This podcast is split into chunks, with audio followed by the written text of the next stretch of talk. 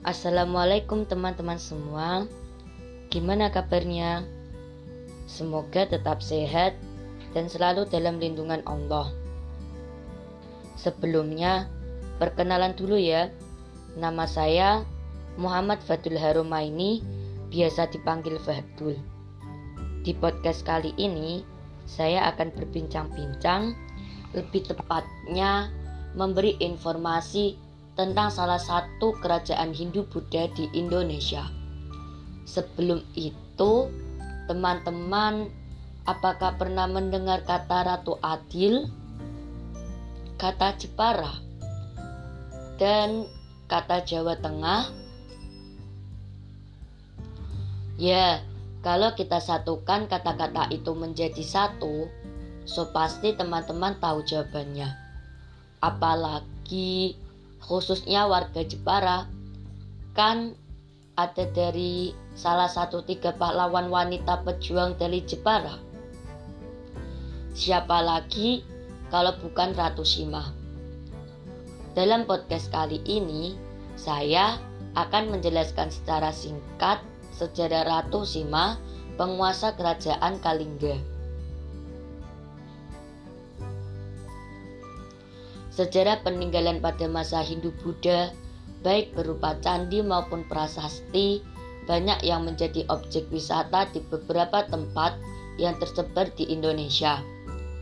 Hal ini tidak terlepas dari pernah berdirinya kerajaan-kerajaan yang bercorak Hindu-Buddha di wilayah Nusantara. Salah satunya adalah Kerajaan Kalingga. Apa sih Kerajaan Kalingga itu? Kerajaan Kalingga adalah salah satu kerajaan bercorak Hindu-Buddha yang pernah berkembang di Nusantara sekitar abad ke-6 Masehi hingga abad ke-7 Masehi. Kerajaan ini diperkirakan terletak di bagian utara Jawa Tengah yang mencakup mulai dari Pekalongan hingga ke Jepara. Kerajaan ini dapat disebut sebagai kerajaan Holing, di mana Holing adalah terjemahan dari kata Kalingga ke bahasa Mandarin. Bahasa yang digunakan terdiri atas Sanskerta, Jawa kuno atau Kawi, dan Melayu kuno. Agama yang dianut masyarakat yaitu Hindu dan Buddha. Ragam bahasa dan agama yang terus berkembang dan berdampingan dalam kerajaan Kalingga. Penguasa Kalingga yang menonjol dan berhasil membawa kerajaan tersebut pada masa kejayaannya adalah Ratu Shima yang naik tahta menggantikan suaminya Raja Kartikeya Singo. Ia digambarkan sebagai seorang pemimpin yang tegas dan tanpa kompromi dalam penegakan hukum yang dibuktikan dengan menjatuhkan hukuman kepada anaknya yang tanpa sengaja menyentuh benda bukan miliknya. Teman-teman, boleh kan saya menceritakan bagaimana ketegasan Ratu Sima dalam memimpin kerajaan Kalingga? Ya, tentu bolehlah. Begini ceritanya teman-teman. Suatu hari, seorang raja bernama Tasi ingin menguji ketegasan Ratu Sima. Raja yang dikanak, dikatakan berasal dari Timur Tengah ini pergi ke kerajaan Kalingga. Secara diam-diam, ia meletakkan sekantung emas di persimpangan jalan, tepatnya dekat dengan alun-alun kerajaan. Ia ingin mengetahui apakah ada rakyat Kalingga yang berani mengambil barang yang bukan milik mereka. Setelah beberapa bulan, ternyata kantung tersebut masih tergeletak di sana. Akan tetapi, terjadi kesalahpahaman ketika Pangeran Narayana yang merupakan putra Ratu Shima tidak sengaja menyentuh kantong tersebut dengan kakinya. Sebagai seorang ibu, Ratu Sima tidak pandang bulu dalam memberikan hukuman.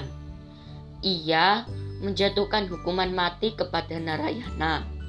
Meskipun Sebenarnya Ratu Shima sangat menyayanginya.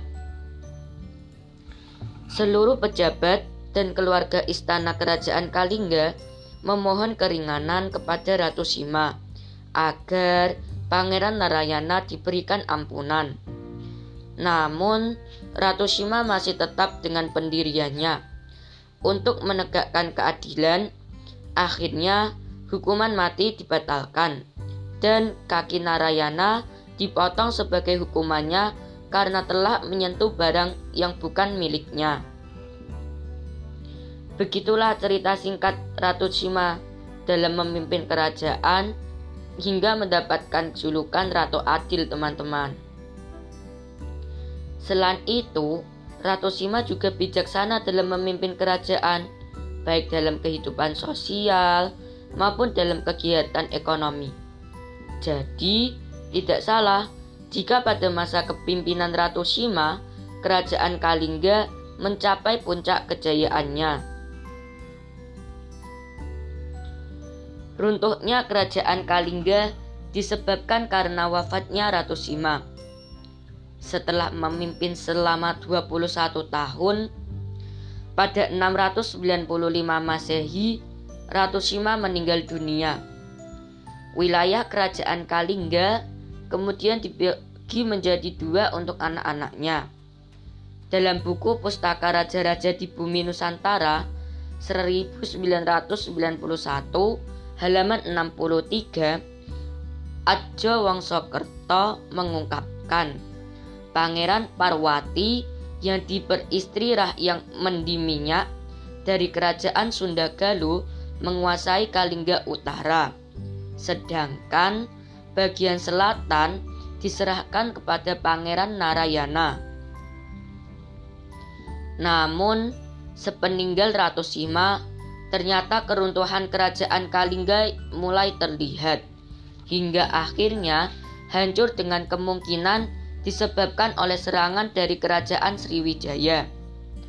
Menurut Anton Dwi Laksono, dalam kebudayaan dan kerajaan Hindu-Buddha di Indonesia, pada 752 Masehi, kerajaan Kalingga menjadi wilayah taklukan Sriwijaya.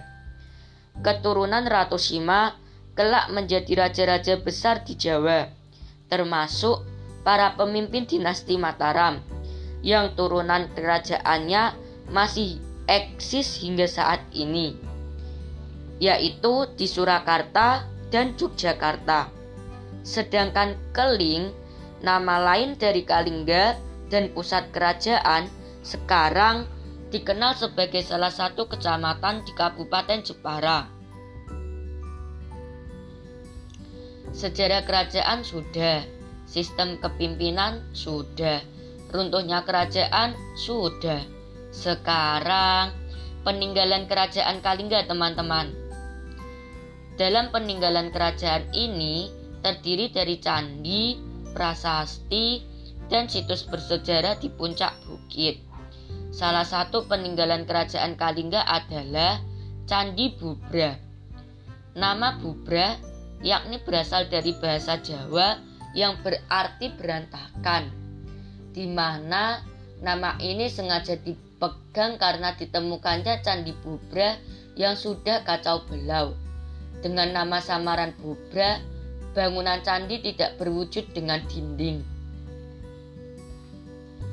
Prasasti Tukmas Prasasti Tukmas merupakan prasasti yang penting yang termasuk jenis peninggalan sejarah kerajaan ini, di mana prasasti Tukmas ini masih menggunakan huruf Palawa dan Sanskerta. Teman-teman, Begitulah cerita singkat tentang kerajaan Kalingga yang dipimpin oleh Ratu Sima. Sekian teman-teman podcast mengenai kerajaan Kalingga dari saya. Semoga teman-teman tidak bosan mendengarnya dan semoga teman-teman ditambah pengetahuannya dari podcast ini. Ingat teman-teman, pandang pembicaraan, jangan pandang siapa pembicaranya. Jangan lupa jaga kesehatan, hindari kerumunan, pakai masker, dan selalu cuci tangan. Stay at home. Sekian dari saya. Terima kasih.